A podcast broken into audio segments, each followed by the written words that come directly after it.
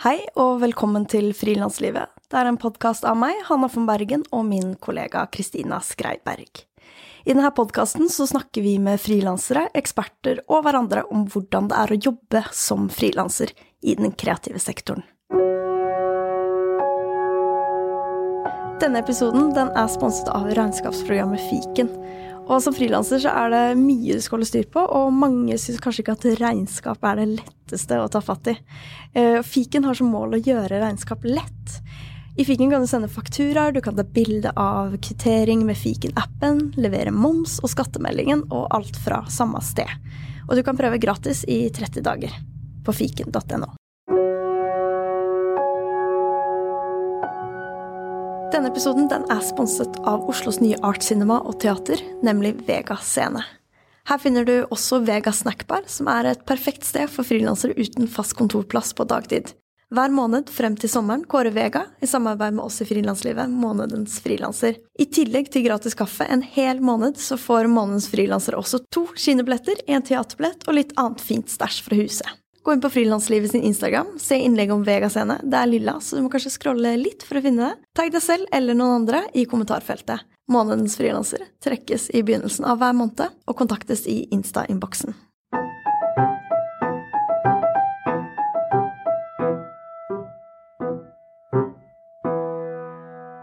Jeg er på besøk i Tromsø, og da bruker jeg anledningen til å også treffe dagens gjest, frilansjournalist Lill Karin Elvestad, som er bosatt litt utafor Tromsø. Og Lill Karin hun tok for en del eh, måneder siden kontakt med oss via e-mail, og fortalte litt om hennes historie, og det er en historie som vi synes er viktig, og som vi tror mange setter pris på å høre. For i fjor så fikk eh, nemlig Lill Karin beskjed om at hun hadde fått brystkreft. Og et hektisk liv som frilansjournalist og tobarnsmor ble da drastisk endret, og den spennende fremtidsutsikten med mange ulike prosjekter fikk en bråstopp. Så denne episoden den handler om hvordan man som frilanser forholder seg til livet når det slår deg i bakken. Og hvordan takler man å endre tempo så radikalt? Eh, hva skjer med kundene når man blir borte så lenge, og hva med den sorgen man føler over ikke kunne gjøre det man elsker, nemlig å jobbe? Og Lill Karin hun er 39 år, hun har to barn, på 10 og 15 og er skilt med delt bosted, har kjæreste, katt, hus på landet i Balsfjord kommune utenfor Tromsø. Og hun har jobba som journalist hele sitt voksne liv og hatt sitt eget firma Ord i landskap i ni år nå. Og gjennom firmaet så leverer hun tekst og bilder til ukepresse, fagpresse og aviser. Hun debuterte som sakprosaforfatter i 2012, og har siden da vært medforfatter på et bokverk om kirkene i Tromsø og har en veldig fin hjemmeside hvor du kan lese om alt det hun gjør. Og hei, Lill-Karin. Hei, hei. Vet du hva, vi setter, jeg må bare begynne å si at vi setter veldig pris på at du tok kontakt og har lyst til å slå en prat. Du har jo vært åpen på din eh, blogg på nettsida di om hvordan det oppleves å få kreft, og hvordan veien videre har vært. Og du skrev til oss også at nå er du i bra form, du har strålebehandling igjen eh, før du er ferdigbehandlet, og fortalte nå at du også har noen medisiner, så det er jo mye som fortsatt skjer, men det er kanskje litt deilig for lytterne å på en måte vite at der er vi nå. Ja. Ja, og det er jo en gledelig nyhet å få høre. Det er jo det. Mm. Det går jo bra. Ja. Ja. Og så har det jo sikkert vært eh, verdens mest eh, drittår, kan jeg tenke meg. Definitivt. Ja. 2018, bare Vi lukker døra til det. Ja. Ja. Det, er, det er bra vi har bikka over til Ja. 2019. Mm.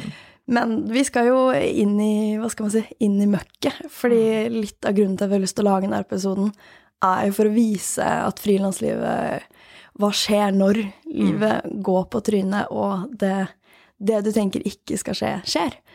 Så jeg lurte på rett og slett om du kunne tatt oss litt gjennom historien din. Det kan jeg gjøre. Som du sa, så eh, har jeg jo, som veldig mange andre frilansere, hatt mye baller i luften. Har jobba som journalist, hatt skrivekurs, jobba mye prosjektbasert. Um, vant til at eh, tempoet er høyt, ikke sant. Man har den her eh, daglige to do-lista, og man ja, sjonglerer med mange ting. Mm. Og det var egentlig et uh, liv som uh, passa meg veldig godt, som jeg hadde levd med i noen år, og som jeg bare elska, rett og slett, fordi man kan styre dagene sine sjøl, og man får være med på mye spennende. Og så er det jo det med at man i perioder kjenner at ok, kanskje er det litt mye, kanskje, kanskje burde jeg roe ned nå, eh, jeg savner litt tid til å gjøre bare helt normale ting, ikke ha, ha deadlines og så videre.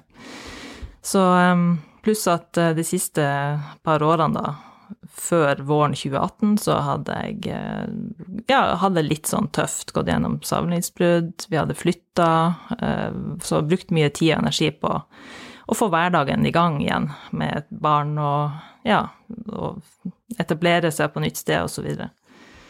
Så 2018 det skulle bli det første året hvor jeg bare åh, oh, yes, nå, nå, er livet normalt igjen. Nå kan jeg bare puste, nå kan jeg gå i gang med de tingene jeg har lyst til å gjøre, og ikke tenke så mye på, på andre ting. Så um, våren 2018, da hadde jeg um, rodd i land et par uh, prosjekter jeg hadde holdt på med, og uh, blant annet så hadde jeg brukt deler av høsten 2017 til å ferdigstille en biografi.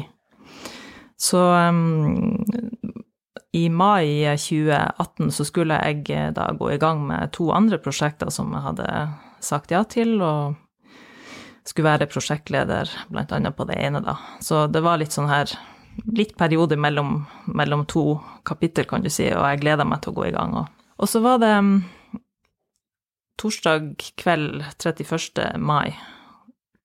Sto på badet om kvelden, pussa tennene. Jeg kikka da ned på eh, på kroppen og så plutselig at det var et sånn søkk i huden på det høyre brystet. Pluss at det da var eh, et, eh, et, sånn Eller jeg begynte da å kjenne meg litt på huden, og kjente da at det var sånn hardt felt på huden. Ikke egentlig en kul. Altså man Det jeg har lest om brystkreft og sånn, det er jo sånn at oi, fant en kul i brystet. Det kjentes ikke ut som en kul. Det var sånn Ja, et hardt felt. Men uh, jeg tenkte jo oi, hva er det her? Um, uh, tenkte ikke, Jeg prøvde i hvert fall ikke å tenke brystkreft med en gang, nettopp fordi at det kjentes ikke ut som en kul. Men jeg tenkte i hvert fall at ok, jeg skal ringe legen. Så um, ringte da legen neste dag, og fikk time ganske fort uka deretter igjen. Så tirsdag dro jeg til legen, og når jeg så blikket til legen når hun så på meg, så skjønte jeg at ok, det her kan faktisk være det verste. Mm. For det hun reagerte mest på, det var det her søkket i huden, da. Og det er rett og slett en endring som ikke skal være der. Så hun sa det, at hun kunne ikke si verken en eller andre, men hun skulle eh, få time eh, på UNDA, sykehuset, ganske fort, og jeg ville høre fra dem inne i uka. Eh, de ringte dagen etter og sa at jeg skulle da komme inn så fort som mulig. Og da skjedde alt så fort at jeg rakk nesten ikke å, å tenke over det. Uh, og det var bare mandagen deretter igjen var jeg på cellegift. Ja. Det er en ganske hurtig utvikling, ja. ja. Så da ramla egentlig verden fullstendig sammen i løpet av ei lita uke. Og det første man tenker, er jo selvfølgelig at uh, kommer jeg til å dø av det her? Um, hva med ungene mine? Hva med det livet jeg har skapt? Um, det andre man tenker, er gjerne 'hvorfor meg'? Og, um, og, for meg så ble det også viktig å prøve å, å forstå at jeg kunne gå, jeg kunne gå Altså, jeg hadde kreft i kroppen, og den hadde vært der lenge. Sånn at jeg begynte å tenke tilbake at ok, på den London-turen i mai så hadde jeg kreft, altså på, i konfirmasjonen til sønnen min så hadde jeg kreft. ikke sant? Jeg drev og tenkte sånn tilbake. altså jeg, Noe av det første jeg spurte legen om, er hvor, hvor lenge har jeg gått med det her, liksom. Men det går ikke an å si. Det er det ingen som kan vite. Men jeg hadde ingen symptomer. Skummelt. Mm. Og det er derfor det er litt viktig for meg å si at uh, det kan faktisk skje alle, fordi jeg har ikke brystkreft i familien i det hele tatt. Og hadde, altså, det hadde ikke streifa meg at, at, det kunne skje meg. Så det kan likevel skje. Ja. Det der er jo Hva skal man si? Uh, man kan jo ikke helt forberede seg på det. Uh, og veldig vanskelig å man, uh, ja, man kan kjenne på brystene sine, men mm. det er jo utover det, så ja. er det jo veldig Ja, uflaks, eller hva man skal si. Ja, det er jo bare Det er rett og slett det det er. Det, Mm. Kreft er Det er uflaks, og det er urettferdig. Mm. Og det Du kan leve så sunt som bare det. Ta noe langrennsløpere og alt sånt, altså som lever så optimalt som går an, så likevel får kreft. Så det, det er ikke noe Det er ikke noe rettferdighet i det, for å si det sånn. Ja. Nei. Og hva, hva skjedde så? Hvordan Da har du jo lagt alle de her planene for Mm. året og alle prosjekter, men det hva skal man si, fader jo veldig Ja. til å bli veldig uviktig. Um, og sikkert familie og nære relasjoner til blir veldig viktig. Mm. Eh, hvordan var perioden der i starten? Det første jeg eh, måtte gjøre når nå eh, det verste sjokket hadde lagt seg, da, og, og jeg hadde fått den informasjonen jeg klarte å ta inn, for det, det, det blir veldig voldsomt i starten med at for det første så får du det sjokket, og så heldigvis så sa jo legene da med en gang at ok, du har fått brystkreft, men du skal bli bra igjen. Sånn at jeg kunne henge, henge det på den knaggen med en gang. Så når det første kaoset hadde lagt seg, så var jeg nødt til å begynne å kontakte alle de her forskjellige personene som jeg skulle da eh, opprinnelig samarbeide med. Og jeg satt jo der da og formulerte de her e-postene og skrev at uh, jeg har Altså, jeg var, jeg var, åpen fra første stund, for jeg, jeg, skrev at jeg har fått kreft, og jeg blir borte på ubestemt tid. Og det her gjaldt etter hvert ganske mange personer som da var involvert i det her. Og da ble det en veldig sånn sorg fordi For det første fordi at jeg ikke kunne da ta tak i de tingene som jeg hadde sett fram til å begynne å jobbe med, og for det andre fordi det føltes som at kreften bare hadde kommet og løfta hverdagen ut av hendene mine, og nei, du skal ikke, du skal ikke være i det her, du skal ja. gå en helt annen vei. Ikke sant, bare tatt overalt som man ja. hadde kontroll over. Mm. Mm. Så derfor så ble det så viktig for meg å, å på en måte eie min historie, og mens jeg satt der og sendte de e-postene, så bestemte jeg meg for at jeg ville være åpen om det her. Også fordi at man Altså, brystkreft har jo for så vidt mange stemmer, men akkurat det med å være frilanser og være, eh, være litt alene, da. For det er jo det man er. Man er jo sin egen sjef. Og selv om man kan ha kollegaer innenfor samme felt og sånn, så er ikke det det samme som å, å være på en arbeidsplass. Så jeg bestemte meg der og da for å være åpen, og, og, den følelsen av å kunne eie min egen historie, den ga meg litt av den der mestringa tilbake, da. Selv om jeg ikke ante hva som kom til å skje de neste Altså, legene sa jo fra starten av at du må se for deg det neste året som unntakstilstand. Mm. Hvordan, for jeg tenker hvis du er fast ansatt, så må du si ifra til sjefen din og kollegaene dine. Mens her så har du jo også utrolig mange ulike kunder, så du må på en måte igjen og igjen og igjen eh, si ifra, da, eller gi den historien og ja. sende de mailene. Hvordan opplevdes Mm. det å eh, gjøre det? Det, det var en, en, sorg, rett og slett. Uh, fordi det var Det var ikke det jeg ville i det hele tatt. Men uh, det vil jeg jo anbefale med tanke på det som vi nevnte her, det her med altså For det var jo også bekymringa mi. Hva Nå skal det være borte så lenge. Hva skjer med mine kunder? Altså de, de bladene f.eks. som jeg brukte å å skrive til jevnlig, da. Kommer det noen inn der og fyller plassen min? Eh, hva, hva, skjer? Så det Jeg tok da og sendte e-post også til de forskjellige redaktørene og forklarte situasjonen, og, og fikk veldig mye fine tilbakemeldinger da at Oi, så trist at det her skjedde, og eh, masse god bedring, og du er selvfølgelig velkommen tilbake når vi hører fra deg når du er frisk. Og, Mm. og det gjorde jo litt godt, da. Eh, sånn at det var en sorg, men, men samtidig litt godt å få den tilbakemeldinga. Jeg kan tenke meg at det er veldig fint også fordi at du var åpen rundt det, for da Mm. er det jo også veldig sånn tillitserklæring og et ønske om å på en måte fortsette å eh, komme tilbake, og kanskje må være veldig vanskelig å skulle mm, finne på andre grunner eller skrive diffust hvorfor man skal være borte på ubestemt tid. Altså, eh, så det er jo veldig sterkt og veldig bra, syns jeg, at, at du er åpen rundt det. Mm. Mm. Den åpenheten har jo også gjort at eh, det har vært enklere for folk å forholde seg til meg, rett og slett. Det er mange som har takka meg for å være åpen, fordi da vet de at hvis de treffer meg på butikken eller hvor som helst, så kan jeg faktisk komme bort og, og gi meg en klem og spørre hvordan det går, I stedet for at man er helt lukka, og så blir folk veldig sånn usikre på hvordan de skal håndtere det. Mm. Så mm, både for, for, meg personlig med tanke på jobb og sånt, og, men også uh, den effekten det har hatt på andre mennesker rundt meg, har, har, egentlig bare gjort at jeg har vært åpen hele veien videre også. Ja. ja.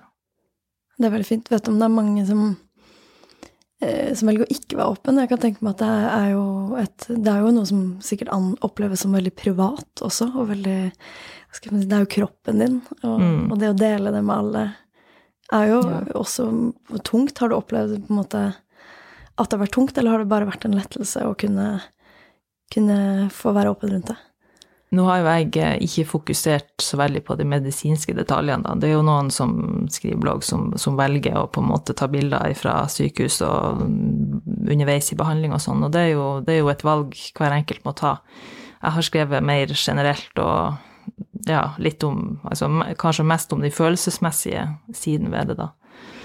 Eh, så det, det har eh, i utgangspunktet vært bare positivt å være åpen. Samtidig så kan det være litt sånn eh, slitsomt, fordi samtidig som man går gjennom de her behandlinga, da Jeg har jo da gått fem måneder på cellegift først, og så har jeg hatt operasjon.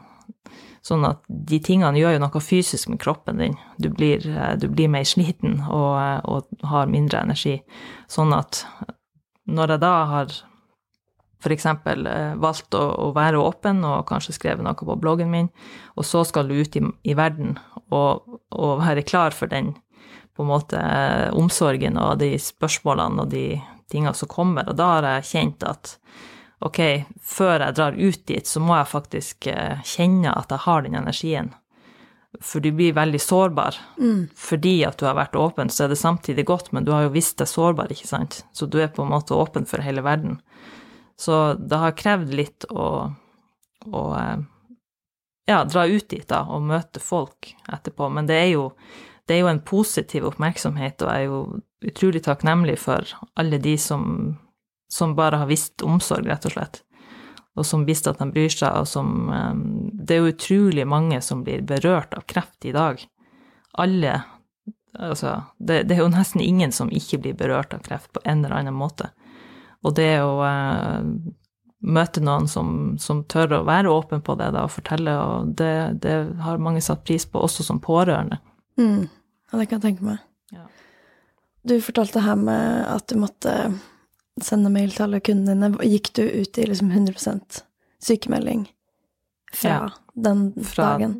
Jeg gjorde det, men så har jeg jobba litt, da. Uh, utover høsten så jobba jeg litt, og nå er jeg tilbake og jobber litt igjen etter å ha hatt full sykemelding.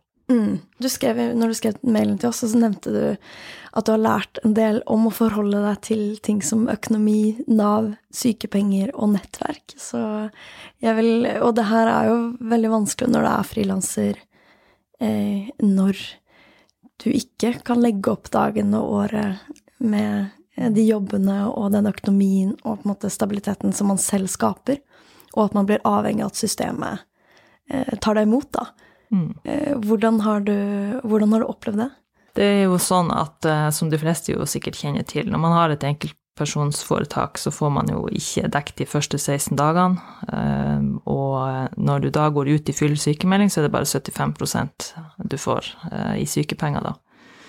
Og for meg så har Jeg har jo gjennom årene så har jeg vurdert AS, men jeg har alltid landa på at et enkeltmannsforetak er det som passer meg best, da. Og så har jeg alltid sørga for å ha en viss buffer stående, sånn at ok, jeg vet at jeg har sykepenger de første 16 dagene, og når i verden er jeg sykemeldt lenger enn det, liksom? Altså, jeg har vært sykemeldt én gang tidligere i de her årene, og det var når jeg brekte handa.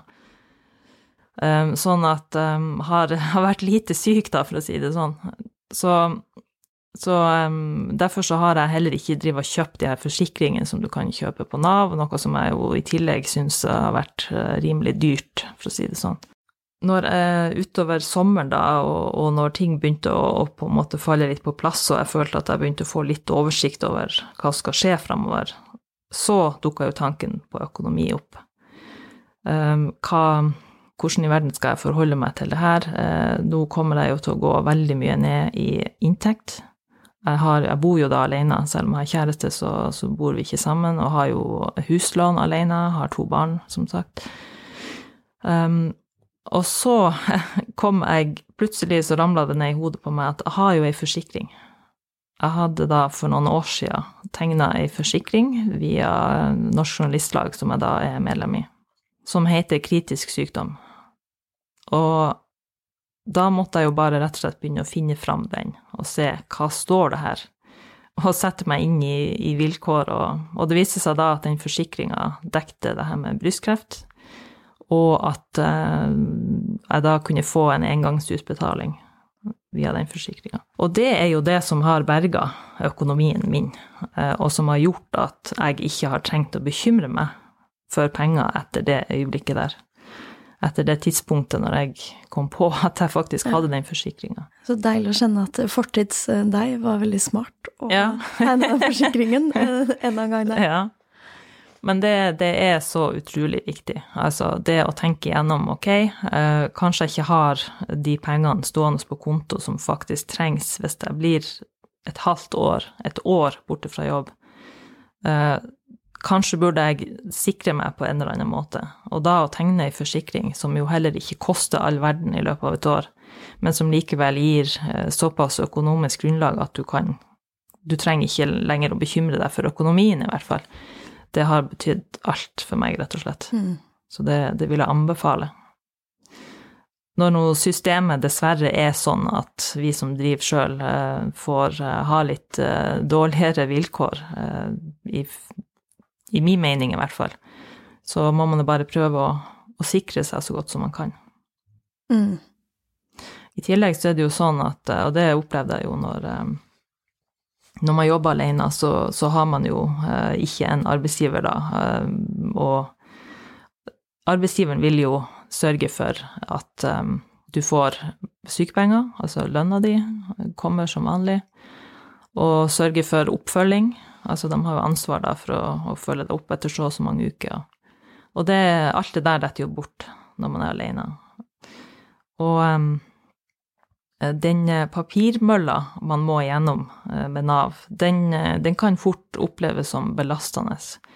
For den skal du da håndtere samtidig som du har fått den sjokkbeskjeden om at du har kreft, eh, og alt det som kommer i kjølvannet av det, nemlig utallige besøk på sykehus, utallige røntgen, utallige blodprøver. Fordi det som skjer, er ofte at du De vil jo da være sikre på at det her er bare brystkreft, at det ikke har spredd seg til resten av kroppen. Så de første ukene etterpå så var jeg jo annenhver dag eh, kjørte inn til sykehuset og gikk gjennom prøver og sånt. Så det kommer jo da i tillegg til at du skal begynne å sette i gang de her mølla til Nav. Og jeg opplevde jo dessverre det at uh, sykepengene på toppen av det hele ble veldig forsinka, sånn at det gikk da tre måneder før jeg hadde ei utbetaling. Oi, wow. Så det her Da skal du ha en god buffer, for å si det sånn. Ja, heldigvis så hadde jeg det. Men det, det er ikke noe selvfølge. Nei. Og det her er jo igjen en invitasjon til Nav om å bli med og gi informasjon eh, til i podkasten. Fordi det er eh, Jeg tror de fleste frilansere må på en måte på et eller annet tidspunkt i livet forholde seg til eh, Nav. Og det kan være store, det kan være små ting, men da er det veldig ja. Eh, mm. Det er jo mange som har positive historier også, men det er ja. jo en del av de her rettighetene, som du sier, som man, som man mangler, og det er mye mm. ekstra eh, papirgrunnlag du skal ha for å vise eh, inntekt og hvordan jobben din er, og ha liksom ja, grunnlag for dem å regne ut ifra. Ja. Mm. Så det her er noe vi også lager litt ulike episoder om. Eh, det å bli mamma, eller det å eh, bli syk, eller det å på en måte, hva skal man si, når du tar tid bort fra jobben, da. Mm. Mm. Og du nevnte også det med nettverk.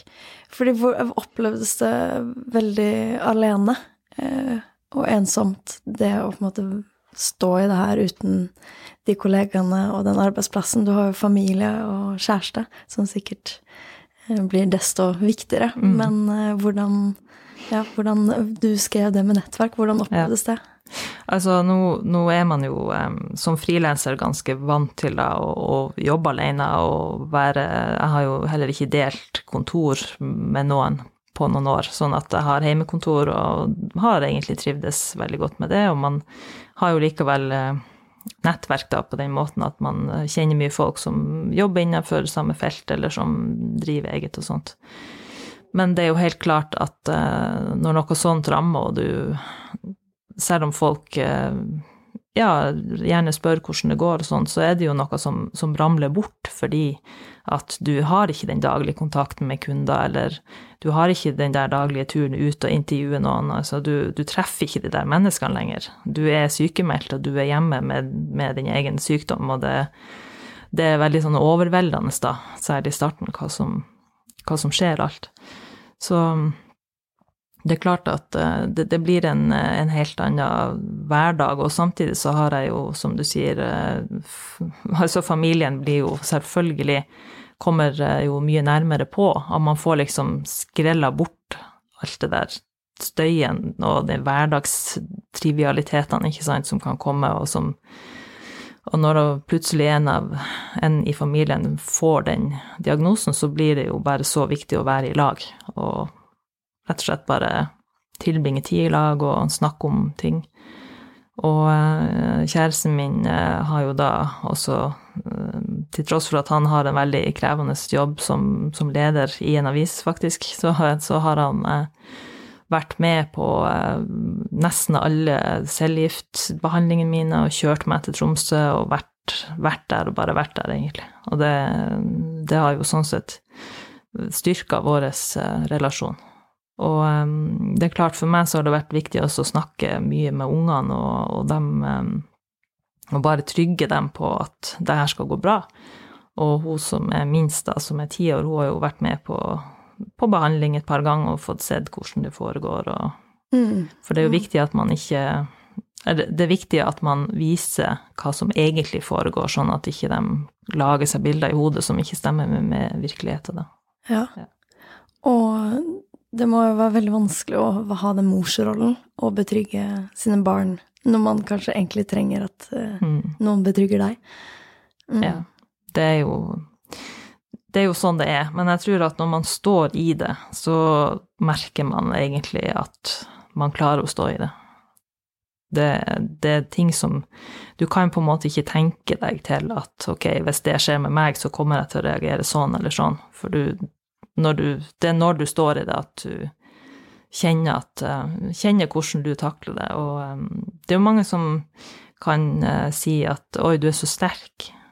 Det får jeg høre, og det, det får sikkert mange andre med, med kreft også høre, men um, man er jo sterk fordi man har egentlig ikke noe alternativ.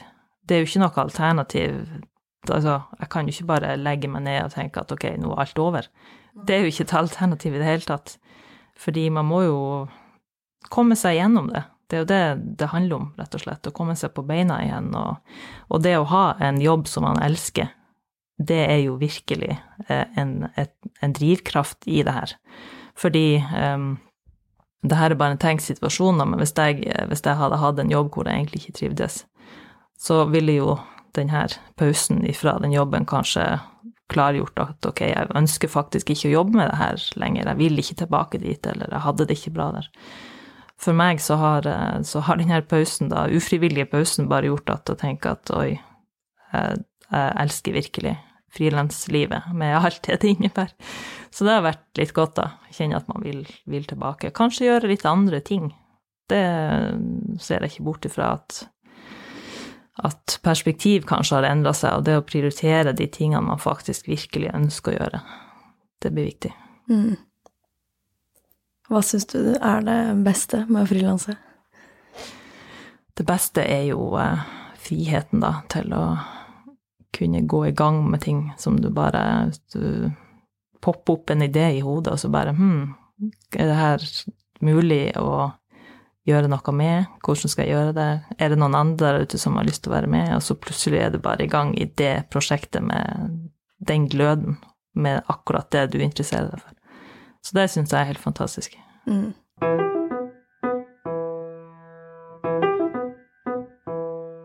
Jeg har litt lyst til å snakke om det at du jo er journalist, og du bruker skriving som et verktøy. Og jeg har lest på nettsiden din også at du har Du skriver veldig mye om opplevelsene og er veldig åpen rundt det. Og så har jeg også lest at du har skrivekurs, eh, både skrivekurs for eldre, som jeg syns var veldig flott, eh, og et skrivekurs som heter Skriv deg selv. Kanskje kunne fortalt litt om eh, hvordan skrivingen har eh, vært et verktøy i den Mm. prosessen, og på en måte hvordan du har tatt det i kurs og eh, tatt det videre. Ja. Mm.